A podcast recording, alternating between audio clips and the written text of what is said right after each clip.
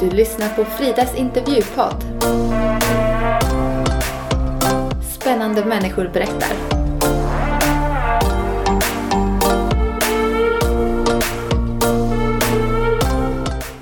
Denna sprudlande kvinna har mycket att berätta.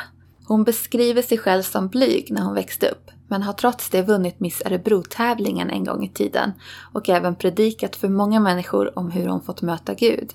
En stor kontrast till det tidigare liv hon levde med spriten som Gud.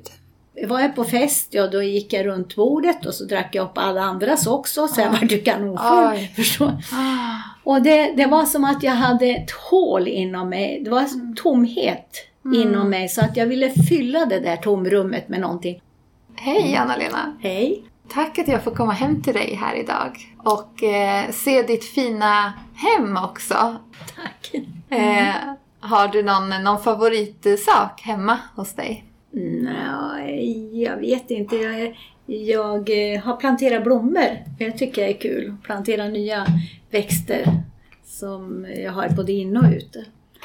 Även fast jag inte har så mycket blommor ute just nu. Men eh, jag har tagit skott och sådär som jag så sätter jag i jord och så växer det. Vad kul! Ja. Det är ju väldigt härlig tid nu på sommaren då när man Mm. kan plantera lite. Mm, ja men visst. Nu när lyssnarna lyssnar på det här så kanske det inte är planteringsdags men får man längta till våren. Ja, precis.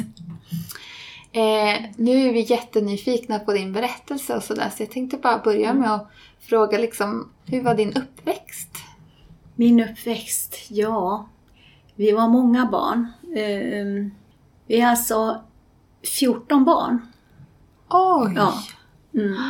De äldsta lever ju inte. Men eh, vi som, vi är sex stycken som lever. Lika många och lite till är borta. Dött. Ja, Hur var det att växa upp med så många syskon? Det var bra för att man var ju aldrig ensam. Man hade alltid någon att leka med, alltid någon att vara tillsammans med. Så att det, det var bra. Jag kan tänka mig mina föräldrar, de behövde ju inte lägga ner så där jättemycket energi på oss som vi, vi lekte ju jättebra tillsammans i alla fall när vi var små. Eh, så att vi tog hand om varandra kan man säga. Har du något sånt här eh, barndomsminne som du särskilt kommer ihåg? Ja, det jag kommer ihåg det var när eh, pappa, min pappa jobbade i skogen. Och när han kom hem eh, vinterhalvåret då, och då satte han sig eh, alltid vid spisen i köket och tog av sig stövlarna då. Och då, då tyckte jag om att passa på att hoppa upp i knät på honom. Så det, det kommer jag så väl ihåg. Och det var inte bara jag som gjorde det utan de andra syskonen också. Ja, vad mysigt. Ja, Lite det- pappatid. Ja, så det fick vi sitta i knä på han och mysigt. han gosade med oss. Mm. Ja, så mysigt. Mm. Hur var du som person då, i din personlighet? Oj, svårt att säga. Men jag var nog ganska blyg. Eller ganska, jag var väldigt blyg. Jag blev helt högröd i ansikten om någon sa någonting. Eller så, så var jag jätte, jätteblyg. Ända till jag var ja, övre tonåren kanske. Var det något som vände det? Eh, ja, det var nog att eh, jag fick kompisar som var lite mer tuffare och sådär. Och Då kaxade man väl upp sig lite. Och eh, jag kommer ihåg tonåren kanske var, vad kunde vara, 16, 17, 18 år. Då, då var det ju eh, mycket så här amerikanare, amerikanska bilar. Så vi åkte med sådana som vi kände då. Vi vågade inte åka med andra som vi inte kände. Men eh, vi åkte med, med eh, raggare, så kallade raggare. Det var inga riktiga raggare egentligen, de var ju beskedliga. Men ja, så det var ju liksom en, en härlig tid på något vis. Ja. När jag tittade lite här i din lägenhet så såg jag ju en jättevacker tavla eh, med dig som ung. Mm. Så jag frågade dig lite om den och eh, vill du berätta lite för lyssnarna? Ja, det var en fotograf som gillade att ta kort på mig. Och eh, han jobbade på Expressen i Örebro. Och sen frågade han en gång, kan inte jag få sätta ut kort på, det var en sån här tävling, Miss Örebro-tävling. Och jag var lite emot det först för jag tänkte nej, jag vill inte liksom. Men eh, han stod på sig och så sa han, ja men jag kan få sätta upp ute. Ja, så då gjorde han det då. Och eh, så vart det ju ja, tävling då. Och eh, det var ju flera, jag vet inte om det var hundratals som, som kom på de här som hade anmält sig. Men det vart ju bara 25 kvar sen. Och sen från de 25 så vart det ju sju kvar eller något sånt där. Och då vart ju jag bland de sju. Och sen var det ju eh, ko, eh, kora de då på, eh, i Örebro på idrottshallen där. Och eh, så vann jag. så jag blev Miss Örebro. Ja. Så jag fick eh, pengar, fick en päls och så fick jag en resa utomlands. Oj, mm. det var inte dåligt. Ja, nej, så det var kul. Och då var jag 21 år. Ja. Du skrattade lite. ja. ja. Trodde du att du skulle vinna? Nej, det trodde jag inte. Men, eh, men eh, så hade jag eh, några som hejade på mig som sa du kommer att vinna Anna-Lena. Ja, ja, du var ju otroligt vacker. Det ser ut som Sveriges Marilyn Monroe. ja. Hur kändes det där då? Ja, det var kul. Mm. Det var jätteroligt faktiskt att få vinna en sån tävling också. Mm. Mm. Men så. du beskrev dig själv som blyg och sådär. Ja. Hur var det att stå inför kamera och uppmärksamhet på det sättet? Ja, det gick ju bra. Jag kan säga att jag var med i alla stora tidningar i Sverige. Så var det stor bild på mig.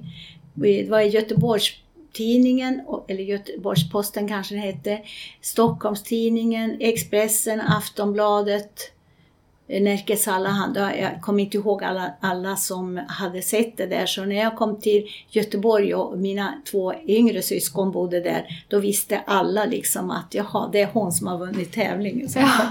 så, så, hade de en hel klan som tog emot mig när jag kom och hälsade på. Ja, så det var lite kul. Ja, lite mm. minikändis då. Ja, ja precis. Mm. Ja. Men eh, sen eh, efter det så jag blev tillsammans med en man som var otroligt svartsjuk och eh, han drack mycket sprit, han festade och jag hamnade också i spriten och eh, festandet. Så eh, jag började dricka, alltså inte varenda dag, men då jag drack så drack jag så länge som tills jag blev så full så att jag inte hittade hem, håller på att säga. Jag hittade mm. väl hem om det, det var väl ett mirakel om jag hittade hem. Men, men eh, min syster som var två år yngre än mig, hon följde alltid med mig och såg till att jag kom hem. Så hon räddade mitt liv faktiskt. Mm. det var många, många gånger som jag, jag var så full så jag bara jag, jag drack upp mitt eget, jag hade sprit, eller ja, eh, grogg. Och sen eh, var, vi, var jag på fest, ja då gick jag runt bordet och så drack jag upp alla andras också. Så jag ah. var kanonfull. Ah. Och det, det var som att jag hade ett hål inom mig. Det var mm. tomhet mm. inom mig. Så att jag ville fylla det där tomrummet med någonting. Och då fyllde jag det med sprit. Och jag förstår ju nu efteråt vad det var för någonting som, som jag försökte att fylla. Och sen vart jag jättefyllesjuk. Varenda gång så vart jag så fyllersjuk så att jag låg över toaletten och bara spydde en hel dag. Bara spydde och spydde och spydde. Jag trodde det skulle spy tarmar av mig. Uff. Och eh, sen nästa gång vi gick ut, och, eller jag gick ut så var syrran med och då så, så sa han, men måste du dricka så mycket? sa hon. Du vet ju hur full du blir och hur fyllesjuk du blir. Så ja, ja, ja, tyckte jag liksom och fortsatte och drack. Ja. Mm. Så att, eh, och det höll jag på med liksom. Och jag hade inga gränser. Jag fattade inte det med gräns att nu räcker det, nu, nu, nu ska jag inte bli fullare. Nej, det fanns inte. Det var bara, jag bara öste i mig så länge jag hade kunnat dött alltså. Ja. Hur gammal var du då? När... Ja, då var jag väl 24, 24, 25 mm. år kanske. Mm. Så att eh, då började jag att fundera över livet faktiskt. Och tänkte, vad går livet ut på? Jag kan inte hålla på och dricka så här. Jag såg som en stup framför mig. En, en svart stup bara rakt framför mig. Så jag tänkte att det var som en varning. In, inre varning som jag såg bara det där stupet. Så var jag det tänkte, som en in, inre syn? Ja, precis. Och jag tänkte jag måste sluta, men hur vet jag inte. Mm. Mm.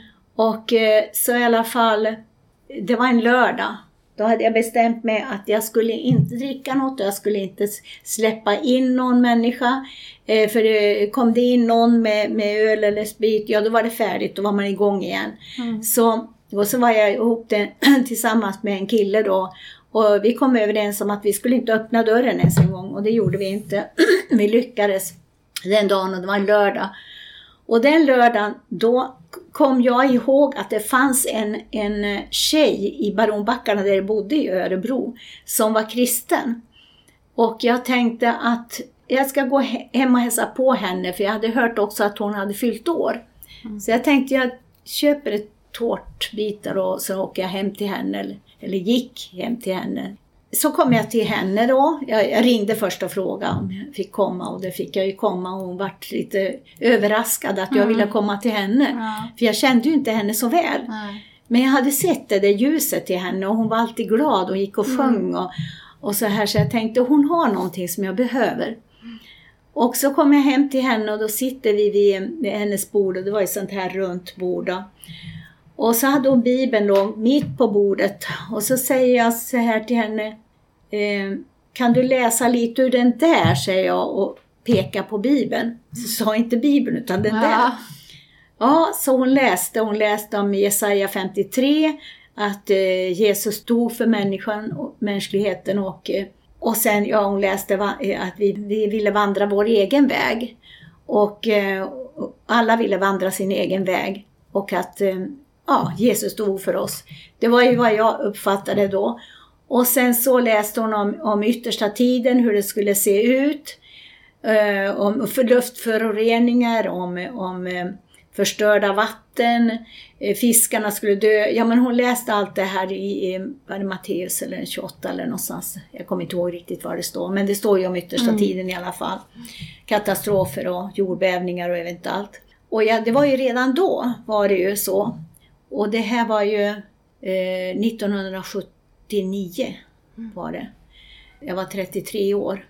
Och så i alla fall så, så läste hon det där och eh, jag bara tog in det där, allt hon sa. Det var liksom bara sanning det hon sa. Så jag går därifrån och sen så när jag hinner ut så säger hon, vet du att Jesus kommer snart, sa hon till mig.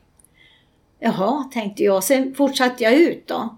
Och då så, när jag kommer utanför, då hade det blivit mörkt och jag var jättemörkrädd. Mm. Men det var en stor ljusgestalt, den var säkert två meter hög på den här sidan, på höger sida av mig. Så var det en ljusgestalt som gick bredvid mig. Och jag var inte ett dugg rädd. Alltså förstår, det var helt övernaturligt. Och, eh, så hur, gick, hur såg du den här gestalten? Nej, jag bara förnam det här ljuset ja. och, eh, förstod, och såg, eh, såg att han var stor. Mm. Och, och om det var en ängel, om det var Jesus, jag har ingen aning.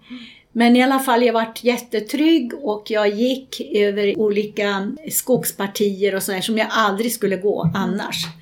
Och, och, så gick jag till Baronbackarna och sen innan jag kommer hem då så bodde min syster alldeles innan mig så jag, jag slank upp till henne då. Det här var en lördag alltså.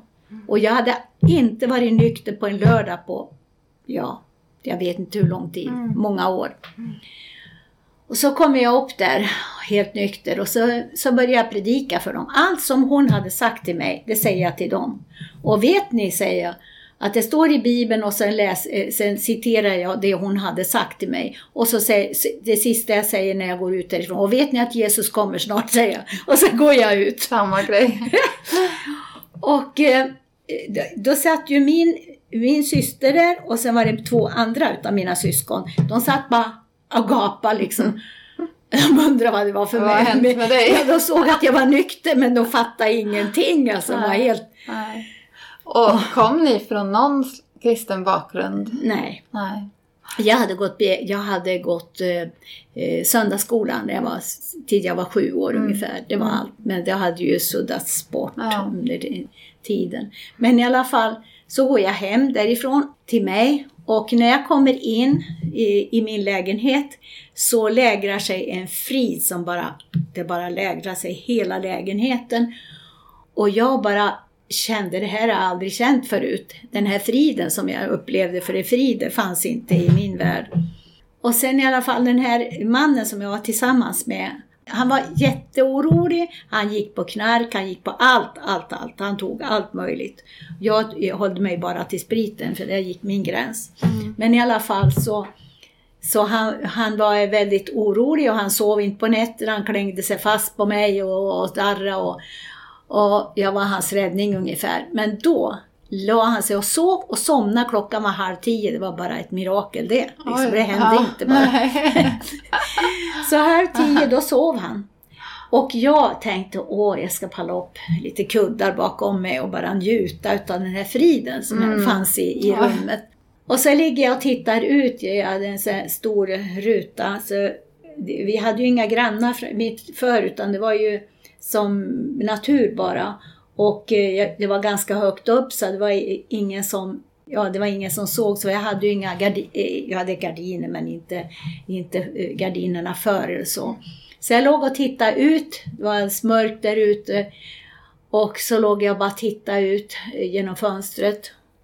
Och sen när jag, medan jag ligger där och tittar på det så, så ser jag ett ljus. Det var som, ja, solen men ändå den bländade inte. Jag förstod någonting. Jag förstod att det var, hade med Gud att göra. Men jag begrep ändå inte. Och, eh, och sen i alla fall låg jag och tittade på det där och jag fylldes med någonting. Någonting bara hände i mig. Och jag kände mig precis som att jag aldrig hade syndat. All synd bara eh, sveptes bort, bara renades bort Oj, vad i mig. häftig känsla. Ja, och eh, då låg jag där bara och, och sen till slut somnade jag. Dagen därpå så vaknade jag. Jag var fullständigt fri från spritbegär, rökbegär och svord, svordomar. Det var bara puts väck. Wow. Så jag gick bara i lägenheten och, och suckade liksom.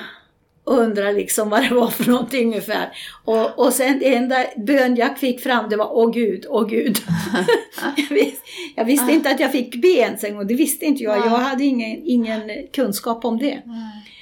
Och eh, så i alla fall så, ja, eh, jo, då, då tog det tre dagar. Så ringer hon som jag var hemma hos Mm. och ringer och frågar, vill du följa med på bönemöte? Innan så, så hade jag tänkt så här, jag måste, jag måste ringa någon pastor eller präst och jag måste höra vad det här är för någonting. Mm. Men jag kom inte ut på telefon för vi hade ju inte betalat telefonräkningen. Det gick ju till sprit istället. Mm. Och så då ringde hon på måndagen, ringer och frågar om jag, om jag vill följa med på bönemöte. Ja, tänkte jag, bära eller brista, ska jag våga göra. Men jag fattar ju inte vad det innebar, men jag tänkte jag hänger på. Mhm. Men jag sa ingenting till henne vad jag hade varit med om. Och, och sen eh, när vi kommer dit då, det var en, en församling, det hette Örebro Fria Församlingen. Så i alla fall kommer jag dit och så ser jag människor som sitter och de talar i tungor och de ber. Och jag tänkte, de är inte kloka här, tänkte jag, är bäst att dra. så jag var på väg därifrån, då säger Herren till mig, Gå och sätt dig, det här är jag, sa han. Det kom bara sån auktoritet men ändå sån, sån eh, frid när han sa det. Så jag vågade gå och sätta mig. Och då kom det ju en skog med händer och frågade om de fick be för mig. Hon såg väl att jag, att jag inte tillhörde församlingen direkt. Så de bad för mig och sen var det en som profeterade över mig så sa han Du som har sett ett ljus, dig ska Gud ta hand om och hela din situation och hela din familj och bla bla bla och så vidare. Och eh, sen när, han hade sagt det så efter det så tänkte jag nu måste jag fråga honom hur kan han veta det att jag har sett ett ljus. Mm. Så jag frågar honom och då säger han så här Nej jag visste inte det men Gud sa att du sa det här till mig sa han. Mm. Så att då förstod jag att det här var Herren som hade sänt mig till den här församlingen. Så vart jag ju med där. Eh, jag tog emot Jesus eh, alltså med munnen också, munnens bekännelse. Jag, även fast jag visste att jag var redan frälst. Mm. Jag kände att jag var född på nytt. Och det blev jag då när jag såg det ljuset. Det För då vart jag fullständigt ren. Det var, som, det, det var som att en laserstråle bara gick rakt igenom mig och renade mig totalt. Så kändes det, upplevde jag det. Och det du sa att, Ja. att du kände dig så fri från, som att du aldrig hade syndat Nej, någon gång. precis. Ja, precis. Helt. Och eh, ja, alltså mitt liv blev ju totalt förändrat. Alltså, Min bror och min, sys äh, min systerson, de blev frälsta på en gång när de såg mig bara. Ja, bara när de såg dig? ja, för att min bror och han, de åkte till, hem till mig för att se hur jag mådde. För de var rädda för mm. att det hände mig någonting för att jag var, var ju så full och drack så mycket. Ja. Så att därför kom han ofta hem och bara kolla till mig ungefär. Mm. Nu kom han och så såg han något helt annat alltså. Och eh, jag, jag, behövde knappt berätta men, men de såg ju liksom att det var någonting. Ja. Så att eh, de tog emot Jesus och skapade bara tog emot Oj. båda två. Och sen var det eh, jag bodde ju i Baronbackarna så alltså, det var ju som ringar i vattnet. Det var ett gäng som satt och rökte hash och drack och så här. De ville att jag skulle komma dit och prata om Jesus så jag gick dit.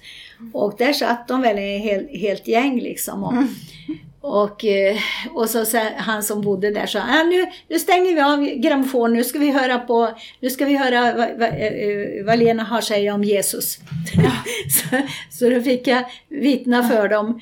Och eh, där satt de och grät, vet du. Så att, du blev liksom predikant här. ja, predikant på en gång. Ja. Ja, och sen var det flera utav dem där som blev frälsta och jag, i mitt hem då, så samlade jag ett helt gäng där hemma ett par gånger i veckan och ibland kom de ändå så här. Mm. Men eh, min pastor som jag hade på, på Örebro Fria, han kom ända från Arboga och åkte hem till mig och, och eh, undervisade de här en gång i veckan. Mm. Och sen fick man ringa till honom när det var någonting speciellt och det var ju ofta det var något speciellt. Så han fick ju aldrig vara i fred den stackars samtal. Men han älskar ju det här. Han, det var hans liv, det var mm. liksom att se nyfrälsta. Så att, och min mamma blev frälst, hon hade blivit Jehovas vittne. Mm.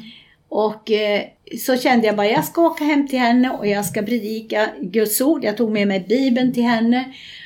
Och eh, så sa jag till mamma att eh, Mamma, sa du måste bli född på nytt för att komma in i Guds rike. Har du sett det? sa jag. Nej, var står det? sa hon. Det står i Bibeln. Så läste jag det för henne. Och läste alla de där ställena om på nyttfödelse och, och det här livet och det. Och så följde hon med mig på möte då. Mig och brorsan då. Vi vart ju Brorsan han, han fick hänga med på varenda möte, han fick aldrig vara hemma för mig. det får jag höra än idag. Då säger han så här, jag fick aldrig vara hemma, men det var så här mötesserier, du drog med mig på varenda möte, jag fick inte, jag fick inte stanna hemma på enda Nej, precis. Och det var, jag var ju så. så jag drog ju med mig min mamma också. Och sen så följde hon med på ett, en hemmagrupp då, eh, som vi hade i församlingen som jag var med i. Och då följde hon med dit. Eh, vi bad för folk och så här och det hände saker och en del blev helade. Och, och sen så frågar då han ledaren där, fråga, eh, är det någon som vill ha förbön här? Någon mer som vill ha förbön? Ja, sa hon liksom. Ja, vill du bli frälst? Ja, sa hon. Ja. och, sen bad vi för henne och hon blev frälst. Min mamma. Så din mamma? Ja. Hon som hade varit så orolig för mig så hon ville inte ens se mig. Hon orkade inte att träffa mig en gång för hon hade hört hur jag levde. Alltså hur du så, levde med spriten? Ja, mm. innan. Mm. Och sen nu var hon frälst. Hon var, ju, var jätteglad. Hon såg ju på mig att jag vart ju annorlunda naturligtvis. Mm. Mm. Så att eh, hon blev frälst och eh, min bror var frälst. Min systerson blev frälst. Eh, sen var det ett par stycken som min systerson eh, han var med i en um, grupp och sjöng. Han sjöng och sen andra spelade olika instrument. Mm. Och de två som var med, ett par utav dem blev frälsta plus en till sen. Det var, ja, det var häftigt. Det var många ringar på vattnet ja, som du beskrev. Precis, ja, mm. Vad hände med din pojkvän där? Ja, han, eh, han var ju lugn ett tag. Men sen så satte han igång igen. Och och han hittar på tokiga saker. Men Gud sa till mig att du behöver inte vara rädd för honom. Jag kommer att beskydda dig, sa han. Mm. Men det var ju tufft, ja. jättetufft, ja. för han var ju farlig. Han var, ja, han var riktigt farlig alltså. Alltså när han drack, mm. inte annars. Nej. Drack och sen eh, blandade med knark, liksom. då blir man galen. Ja. Så innan, innan det, innan jag blev frälst så, så slog han ju ner mig på, i, i en eh, kullerstensgata så jag, jag, jag, ambulansen kom och hämtade mig och jag fick ju, vad heter det? Hjärn, hjärnskakning. Hjärnskakning, ja. Hjärnskakning fick jag. Oj. Men, eh, men då, då hade jag bestämt du slår inte mig någon mer. Det hade jag bestämt. Och det, sen hade jag pratat med honom, då sa han att nej, jag ska inte röra dig, sa mm. Och det gjorde han inte heller. Ja, men ja. han var ju hotfull ibland. Ja, nej men... Bra att du kunde mm. se ditt värde också. Ja, det kära någon. Livet var ju... Ja, det var spännande. Mm. Jag vet eh, min... Eh, jag hade en bästa kompis då. Mm. Som vi var tillsammans. Och jag hade inte hört av mig till henne på två månader. Och så ringer hon och så säger jag, vad har du för dig för någonting? sa Jag har inte sett dig på länge. Du har inte hört av dig. Nej, sa jag. Jag har börjat gå till kyrkan. Har du blivit religiös? skrek hon. Nej, sa jag, det har jag inte, men jag, jag, jag kommer över och berätta för dig, sa ja. jag. Så fick jag vittna för henne. Ja, ja, mm. hit men inte längre. Hon ville markera med händerna liksom. Ja. Hon, det var så nära henne så att hon bara gjorde så här liksom. Mm. Och eh, det var lite chock för henne. Ja. då, kan, då så sa hon så här, jaha, kan inte du följa med och dansa eh, något mer? Så. Nej, sa jag, men vi kan ju gå ut och äta. Äta, det kan jag göra hemma, skrek Hon ville fortsätta det livet. Ja, ja mm. precis. Mm. Hur, saknade mm. du ditt gamla liv någon gång? Aldrig. Aldrig. Mm. Och jag var totalt fri från spritbegär. Mm. Totalt. Det, fan, det spelar ingen roll om de hade ställt upp hur mycket flaskor som helst. Det fanns inte. Det var bara borta. Ja, begäret var borta. Ja, och jag, jag har inte druckit sedan, ja det är ju mer mm. än 40 år sedan. Mm. Det mm. håller alltså. Ja. Men det är klart att eh, ibland så kunde det bli sådana händelser som hände som eh, vart jobbiga och då tänkte man nej nu struntar det här nu. Ja, liksom, tankarna kom liksom så här. Men man gjorde ju inte det. Mm. Vad kunde det vara för tankar och så då? Ja, att... Eh, för jag kände ju sån, sån sånt ansvar för alla som hade blivit frälsta så jag kunde ju inte dricka. Men eh, jag tänkte jag sticker till Stockholm och super mig full. Men det var ju bara en tokig tanke. Ja. Det, det, förstod jag med. Ja. Att det, gick ju, det var ju övergående på en sekund. Mm. Det var ingen större grej. Nej. Men ändå, det, den ja. tanken kom ju. Och det tror jag alla får vara med om. Något mm. sånt där mm. attacker. Men eh, nej. Och vad gjorde du när du du beskrev det som en attack, liksom, att, att det mm. kanske var en frestelse som ja, kom? Då. Ja, det var, en, det var en sån där frestelse som kom, men det var inte lång stund utan det var Nej. bara någon sekund. Ja. Sen Vad brukade du göra då, när, när, när det kom? Ja, be. Ja. ja. Tacka Jesus för att jag var frälst. Ja. ja, fantastiskt. Tänk att det, det lär ha ja. syns skillnad på det. Ja, ja det mm. gjorde det. Mm. och på, på gården där liksom, det, före innan jag blev frälst så visste ju alla, det var ett sånt liv. När vi hade fester då hördes det i hela Baronbackarna liksom. Ingen vågade poli eh, eh, ringa polisen. Utan eh, för, för ja, det, vi umgicks ju med sådana tokstollar.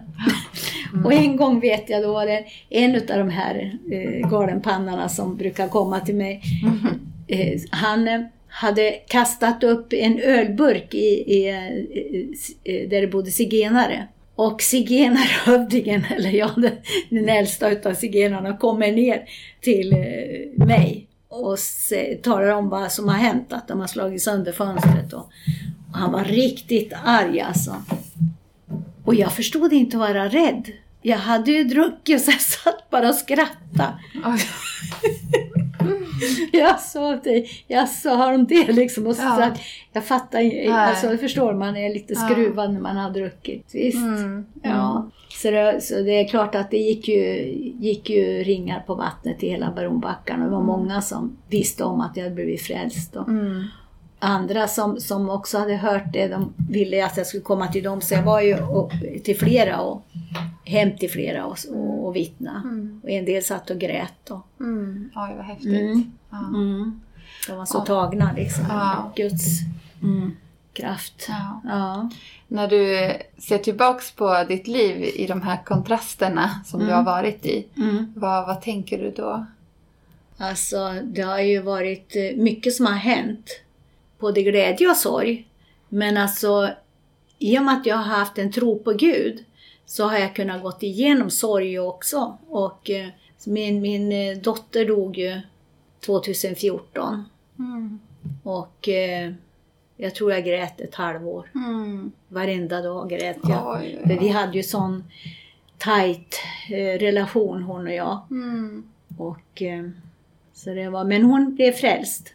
Mm. Blev frälst innan. Hon var, blev frälst tre år innan. Och eh, det här var ju det att hon hade gått på heroin innan. Och eh, hennes före detta man som hon hade gjort slut med. Men han kom till henne och bjöd henne på, på heroin när hon var i en svacka. Och hon dog omedelbart. Usch. För det vart ju överdos på en gång. Usch. Och samtidigt det som, som jag kan tänka liksom om hon hade levt så kanske hon hade varit fast i heroinet igen. Det, jag, det är bara en tanke. Alltså. Så, så, ja, vad ska jag säga, att det kanske var en räddning Mm. för mig och henne. För det hade varit hemskt om hon hade hamnat i, Ja, i i, ja, i det igen. Liksom. Mm. Men eh, det var ju ett mirakel när hon blev frälst också. Det, Ja. var, det är en annan historia. Ja, kan vi ta ja. en annan gång. Ja, Men- precis. Mm. Och ingen, ingen mamma ska ju behöva vara med om, om att ett barn dör. Men Nej, det- nej. det Sorg, vilken sorg. Ja, ja, det Och så var Gud med dig i det. Ja, det var en, en, en chock och ja, jag, jag trodde inte jag skulle komma igenom den här chocken. Alltså, Nej. jag gick och ropade till Gud hela tiden. Hur ska Mm. jag klara det här? Hur ska jag klara det här? Men eh, Gud är god och han, eh, han lämnar oss inte för att vi har sorg utan Mm. han, han är med oss både i sorg och glädje. Mm. Så att, eh, ja, Ja, han har all omsorg om oss och Verk- vet att trösta. Och, verkligen. Mm. Mm. Och eh, Anna-Lena, om det är människor som har lyssnat här nu som också har gått igenom sorg, kanske också har förlorat någon närstående eller så. Mm. Vad, vad skulle du säga till dem eller har du något, någon tröst, någon tröst liksom? Det är ju det att man, man, man måste gå igenom det bara. Det, det tar sin tid. Allt har sin tid. Sorgen har sin tid och eh, självklart ska man söka hjälp av andra människor så man inte går med sorgen själv. Och eh, pra, få prata av sig. Få gråta, ja, gråta av sig och ja, så att man, eh, man blir fri. Och det finns ju terapeuter som kan hjälpa en. Det finns ju medmänniskor, man kanske har goda vänner. Man ska inte vara ensam i sorgen. Nu var jag det, men det var ju för att jag, ja, det var jag det. Mm. Jag, Ja. men jag kände ju Gud. Och Mm. jag visste att det var bara han som kan hj- hjälpa mig i det här. För det var ingen människa som kunde hjälpa mig. För jag var, hade sån otrolig sorg. Alltså det var så fruktansvärt. Mm. Du har ju varit med om ja, väldigt eh, tuffa saker i ditt liv och även mer som du inte har berättat och hunnit berätta Ja. idag. Ja. Om det är någon som har lyssnat som eh, kanske själv kämpar med eh, eh, missbruk, kanske Mm. alkohol eller Mm. något annat. Mm. Eh, eller känner någon som gör det. Eh, Mm. Vad skulle du vilja säga in i de situationerna? Ja, om du är kristen, då, då ger jag råd att tala med Herren, be till Gud om hjälp och även ta hjälp utav, det finns ju sådana som är väldigt duktiga i, i sånt här. Ja, det finns ju allt möjligt, det finns ju AA. Komma, till, komma bort Mm. helt ifrån gatan. Det är det första tror jag, att komma bort från gatan om man vill bli fri från drogerna. Mm. Man ska inte vara kvar där. Utan eh, sök, sök hjälp och, och be att man får komma iväg till ett behandlingshem eller, eller så. Och vara borta, ja, så länge man behöver, håller på att säga. Men så måste man ju också göra ett beslut att eh, verkligen helst inte komma tillbaka till samma ställe där man har på med droger. Det, det rekommenderar jag. Mm. Flytta därifrån. Och eh, kapa av de kontakter man har på med eh, drogat tillsammans med. Det är nödvändigt. Ja, för det är starka grejer man Mm. håller på med. Ja, Mm. det är det. Så finns det hopp, Anna-Lena? Ja, det finns hopp. Mm. Det finns hopp för varenda människa. Mm. Gud älskar varenda människa och eh, han vill inte att någon ska lida eller någon ska må dåligt. Gud är en god Gud och det finns goda, un underbara människor som man kan prata med. De behöver inte vara kristna ens en gång utan det finns goda människor. Det finns människor som bryr sig om Mm. andra och eh, som vill hjälpa. Det var väldigt bra ord. Har du några, något annat som du skulle vilja säga nu på slutet? Ja, det är ju det att när man, som jag då, när jag blev kristen och blev frälst, så är jag aldrig ensam. Även om jag är ensam så, eh, hemma så, så är jag ändå inte ensam. Jag kan prata med Gud om allt möjligt. Och eh, det är en styrka. Man blir uppbyggd utav Guds ord och gemenskapen, relationen med Gud och människor som tror också på Gud. Eh, Så ja, jag skulle vilja säga till varenda människa att Gud finns för alla. Man vill inte att någon ska bli utanför. Det är en frid som inte går att beskriva. Man får en otrolig frid. Den friden finns inte i den här världen, utan den finns i Gud. Den har ju du verkligen fått erfara. Ja, Uppfyllt hela rummet. Det Ja, var en precis. stark beskriven, Ja. beskrivning. ja Mm. Anna-Lena, tack att du har tagit dig tid och delat med dig av din berättelse. Ja, men tack. Det har varit en ära att lyssna till den. Mm, Mm. tack. Och du strålar verkligen idag. Det är spännande att höra vad, vad du har varit med om. Ja, men tack.